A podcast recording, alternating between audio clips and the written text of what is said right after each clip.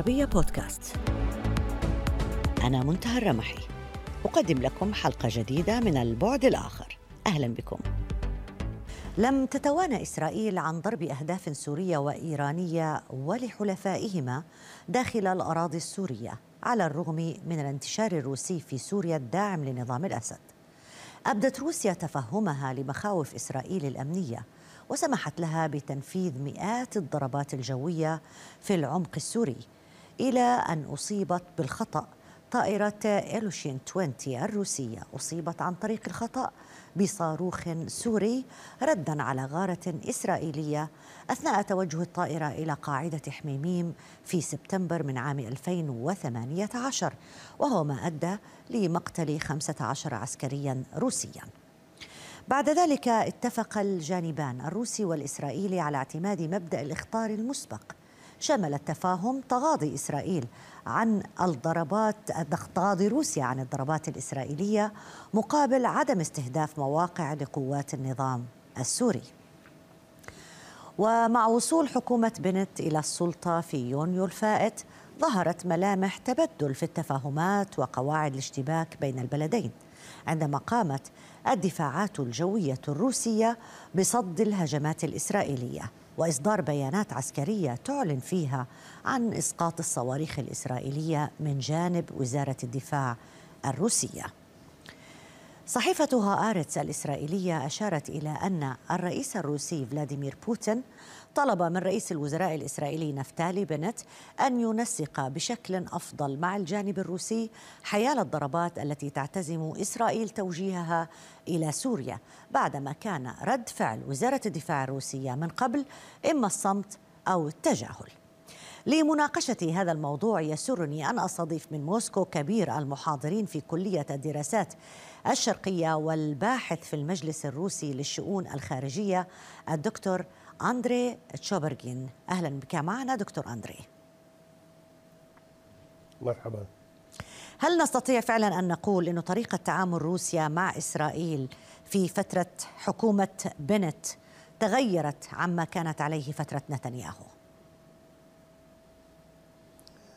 حسب التصريحات من نفتالي بنت نفسه ووزير الخارجية الإسرائيلي بعد اللقاء مع في سوتشي آه، تبين أن التنسيق موجود ولكن فيها آه، هناك أدلة أن هذا التنسيق لا يشابه آه، التنسيق اللي كان أيام نتنياهو. هناك أظن في سببين لذلك. السبب الأول هو أنه خلال وصول الحكومة الجديدة الإسرائيلية روسيا ترسل الرسالة أو الإشارة إلى إسرائيل أن هناك في طموحات عديدة في المنطقة ما عدا طموحات إسرائيل. ويجب على إسرائيل أن لا تعيش في الفراغ وتراقب على طموحات اللاعبين الآخرين في هذه المنطقة. إيران نقصد إيران. الثانية طبعا إيران ولكن مش مش برضه الإيران يعني. مش لوحدها آه، في طموحات روسية في طموحات أي. سورية. ولذلك روسيا كما أنا أظن روسيا ترسل رسالة آه، واضحة لإسرائيل الآن أنه نحن مستعدين التواصل في التنسيق المستمر معكم لأننا نحترم القلقات الإسرائيلية المتعلقة بالأمن الدولة ولكن بنفس الوقت نرجو إسرائيل أن آه، تراقب على المصالح اللاعبين الآخرين في المنطقة المتعلقين بالوضع آه، آه، السوري بس هل نستطيع أن نقول بأنه تراجع مستوى التنسيق ولا اختلفت صياغته اختلفت آليته؟ أنا لا أعتقد أن صياغة التنسيق اختلفت. آه، بيجوز يعني آه، سرعة التنسيق أو موضوع التنسيق تراجعت آه، نقطة معينة. لذلك برضو يعني أسباب يعني معروفة. أولا هذا شخصية الرئيس بوتين. هو رجل تقليدي ومن مش من السهل لديه أن يتعود رجل جديد يعني في رئاسة إسرائيل يعني. لأنه كان متعود يعني خلال هذه السنوات أن يتعامل مع نتنياهو. وبرضو أظن هناك سبب سبب ثاني وهو ضرورة إرسال الرسالة إلى الحكومة السورية والدول المجاورة أن روسيا ما زال مستعدة لحماية الأرض السورية وتنفيذ واجباتها كحليف خليف الحكومة السورية وحليف دمشق في هذه المواضيع. حتى لو جاء هذا الأمر على حساب الرغبة الإسرائيلية لأنه نعلم كم هي مختلفة ما بين الرؤية الروسية ربما على الأراضي السورية والرؤية الإسرائيلية أيضا بالذات في موضوع التواجد الإيراني. آه، موضوع التواجد الإيراني آه، أعتقد أن موضوع التواجد الإيراني هنا آه، تلعب يعني يعني دور المركز لجميع التطورات التي الجارية بين روسيا وإسرائيل. روسيا في آه، سياستها السورية آه، غير موجودة هناك لتنفيذ الرغبات الكاملة الإسرائيلية. ولذلك أنا قلت من في البداية أن روسيا أشارت لإسرائيل أنه يجب الرقابة على طموحات الآخرين. ولكن بنفس الوقت لا أعتقد أن روسيا مطمئنة كثيرا يعني ازدياد غير مراقب أو محسوب.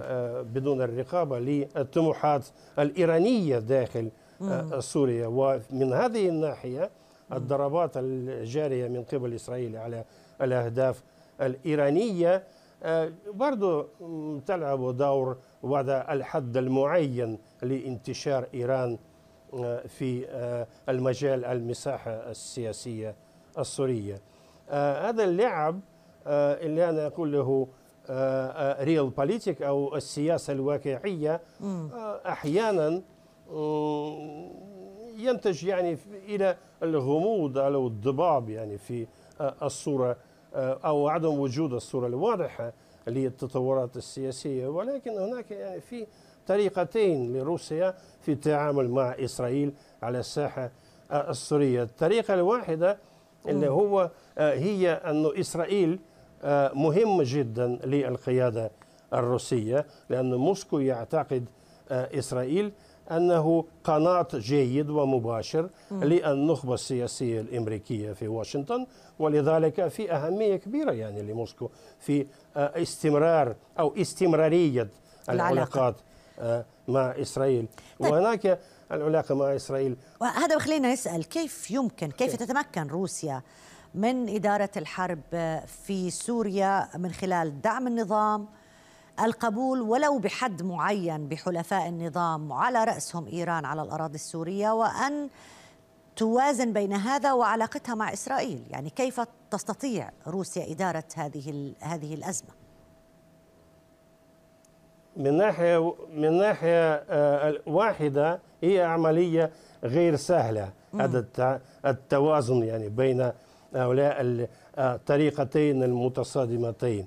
ولكن من الناحية الأخرى آه، مش صعبة كثير لأنه آه، روسيا لها اتجاهات السياسية التي تتخذها. هذه الاتجاهات في الفترة الأخيرة خاصة أصبحت تتناسق آه، كمان يعني مع آه، سياسة الإدارة الجديدة الأمريكية لأنه من الواضح أن بايدن آه، يرغب حل الأزمة السورية وبوتين يتماشى بنفس الطريق لحل الأزمة السورية. وجود إسرائيل هي واقعية سياسية وإسرائيل إسرائيل الآن دولة لها تأثير كبير يعني في الشرق الأوسط ليست فقط يعني في الملف السوري ولكن الملفات الأخرى آه، كمان. ولابد آه، لموسكو أن آه، تنسق مع جميع الخطوات أو الخطوات أغلبية الخطوات السياسية وحتى العسكرية مع إسرائيل للحفاظ على التوازن السياسي والعسكري في هذه المنطقة. بالناحية الأخرى هناك مكتسبات روسية داخل سوريا معروفة وموسكو طبعا محتاجة للحفاظ على هذه المكتسبات.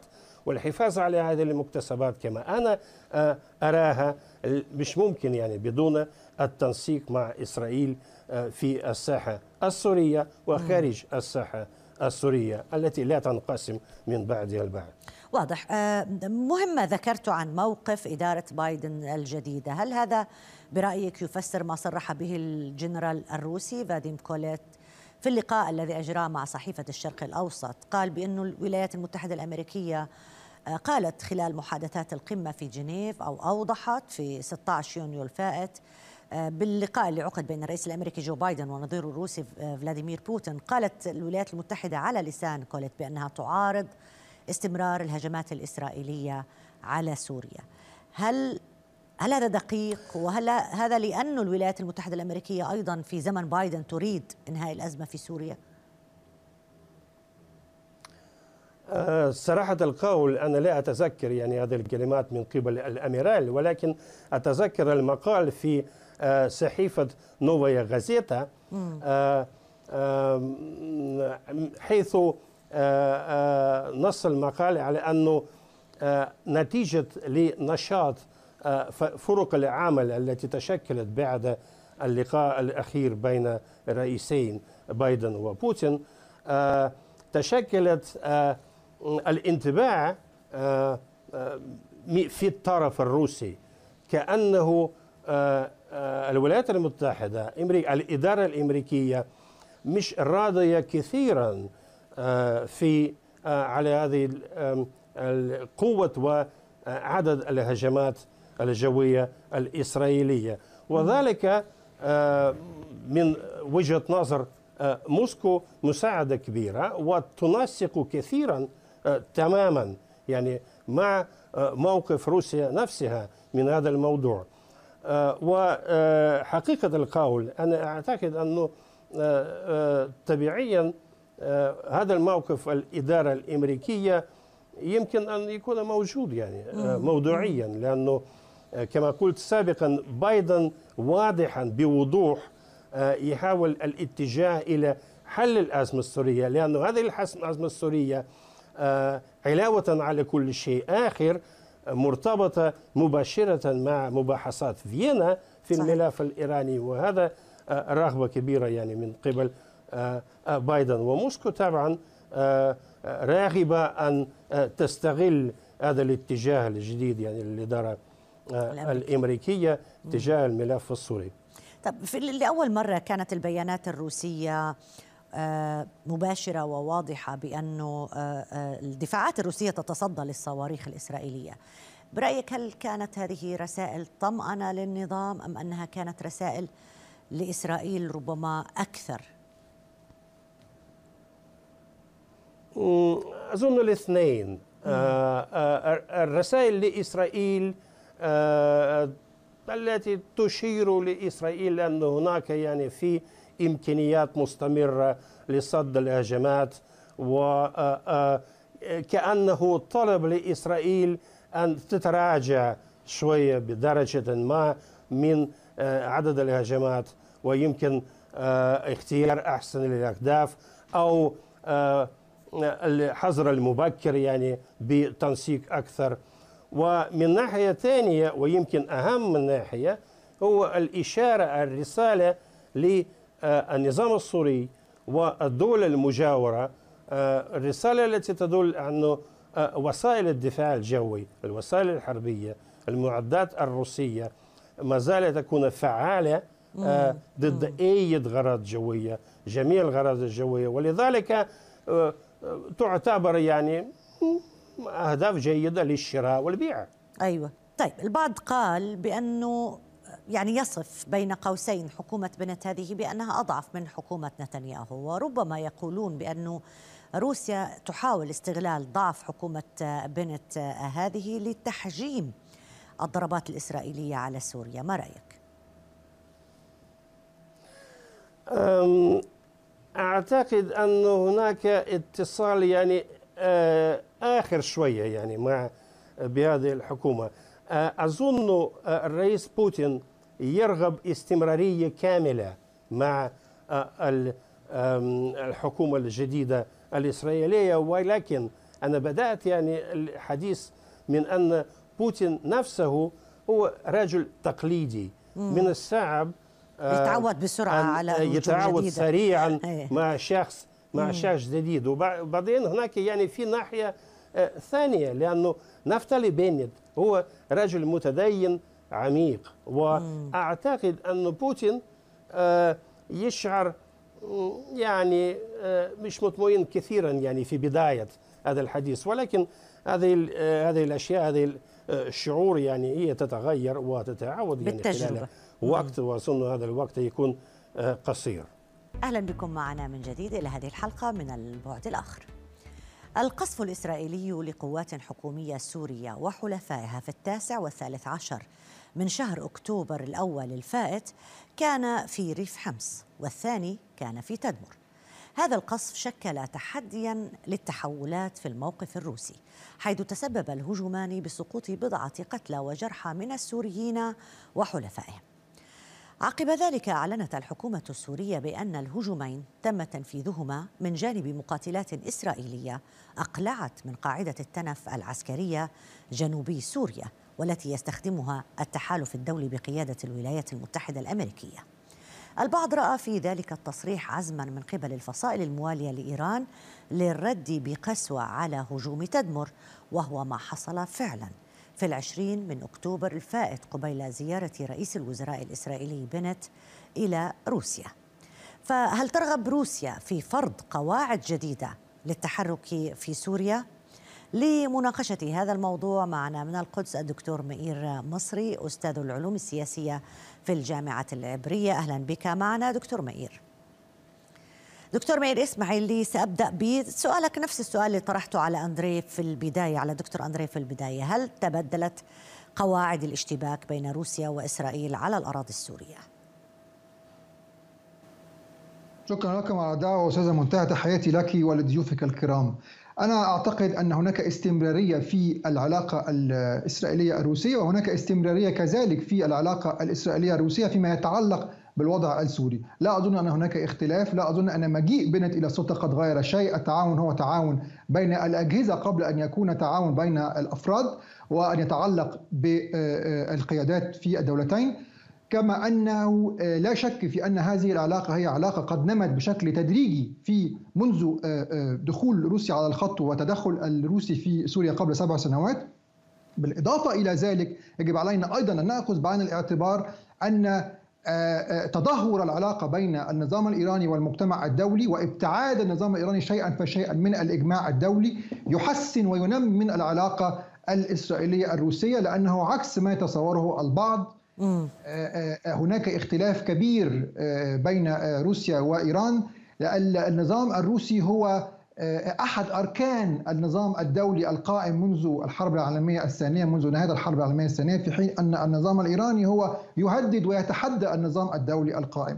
ولذلك لكل هذه بس هذا ما بنفي التعاون اللي صار بين روسيا وإيران على الأراضي السورية في دعم في دعم نظام الرئيس الأسد. هناك أهداف مشتركة بين روسيا وإيران ولكن هناك كذلك تباين في الأهداف وبل اختلافات جذرية في بعض الملفات.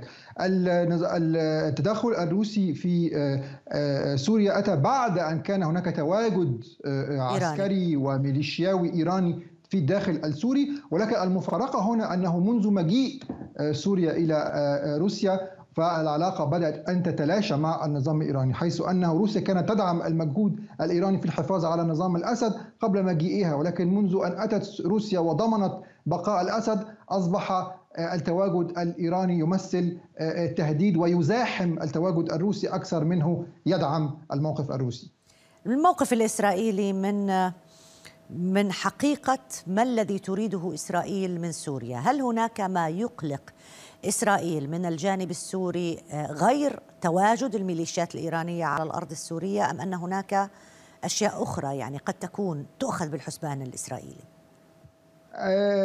طبعا سوريا تعاني مما تعاني به منذ فترة طويلة وبالتالي الموقف الإسرائيلي قد تغير وتذبذب مع التطورات التي طرأت على المشهد السوري. ولكن من الممكن أن نقول أن هناك مرحلتين. المرحلة الأولى كان قبل تدخل الروسي. قبل تدخل الروسي الموقف الإسرائيلي كان الهدف الإسرائيلي الأساسي كان أن تنتهي الحرب السورية بأسرع وقت ممكن حيث أن الرؤية الإسرائيلية كانت أنه كلما طالت أمد الحرب فهذا سوف يؤثر سلبا على الأوضاع الأمنية في المنطقة، وبالتالي إسرائيل عولت في البداية على سقوط نظام الأسد، بعد دخول الطرف الروسي على الخط بدأت إسرائيل تفهم بأنه الأسد باق وبالتالي لم يعد هذا على الإطلاق في حسابات إسرائيل، الهدف الإسرائيلي الأساسي والمحوري هو إبعاد النظام الإيراني عن حدودها الدولية من خلال اولا عدم السماح بالنظام الإيراني بالتمركز عسكريا ولا سيما صاروخيا بالقرب من الحدود الإسرائيلية والهدف الثاني هو منع النظام الإيراني من إرسال أسلحة استراتيجية إلى ميليشياته ولا سيما اي بس ما الذي س... ما الذي سيؤثر على إسرائيل؟ ما الفارق بين وجود إيران في الجنوب اللبناني أو وجودها في قطاع غزة ووجودها في سوريا؟ يعني أصلا إيران موجودة على الحدود الإسرائيلية. لا اولا على الحدود الإسرائيلية اللبنانية هناك أمم متحدة من الحدود الدولية حتى خط الليطاني بموجب قرار وقف إطلاق النار وقرار مجلس الأمن صدر عن عن الأمم المتحدة بعد انتهاء حرب العام 2006 وحتى لو أنه حزب هذا غير لا يحترم من قبل حزب الله وهو تواجد استخباراتي من هذه الميليشيا. ولكن على الأقل لم ي... ليس هناك ليست هناك بنية تحتية إرهابية في هذه المنطقة. عوضا على أنه إسرائيل تتصدى لإرسال أسلحة استراتيجية إلى حزب الله حتى في الداخل اللبناني. والخطوط الحمر الإسرائيلية لا تقتصر فقط على الأراضي السورية فيما يتعلق بالتصدي للتوغل الإيراني والتوغل الميليشياوي المقترن به. قد روسيا بتشاطر إسرائيل هذا القلق من تواجد إيران على حدودها في سوريا بحيث أنها تعزز وتفعل من التعاون والتنسيق مع إسرائيل. أنا أعتقد أنه أولا روسيا عاجزة عن أن تلعب دور حقيقي وأن تبعد النظام الإيراني عن الحدود الإسرائيلية وهذا ليس في الأجندة الروسية. ولكن هناك تفهم كامل روسي للاحتياجات الأمنية الإسرائيلية وهناك كذلك احترام إسرائيلي للقيادة الروسية للدور الروسي ومحاولة لعدم إحراج روسيا وهذا طبعا من خلال عدم استهداف رموز النظام السوري ومحاولة إسرائيل فقط في التركيز على الأهداف الإيرانية رغم وجود أحيانا تشابكات طبعا بطبيعة الحال بحكم يعني الضعف الذي يعاني منه النظام السوري. ولكن أنا أعتقد أنه في نهاية المطاف المهم هو ليس التصريحات التي تصدر من موسكو أو من بعض الجنرالات الروس أنا استمعت إلى الحديث الذي جرى بينك وبين المحلل الروسي الذي تحدث قبلي. ولكن المهم هو ما يحدث على أرض الواقع. لا شك في أنه على أرض الواقع نحن نرى تنسيق وتنسيق غير مسبوق وتنسيق متنامي بين الأجهزة.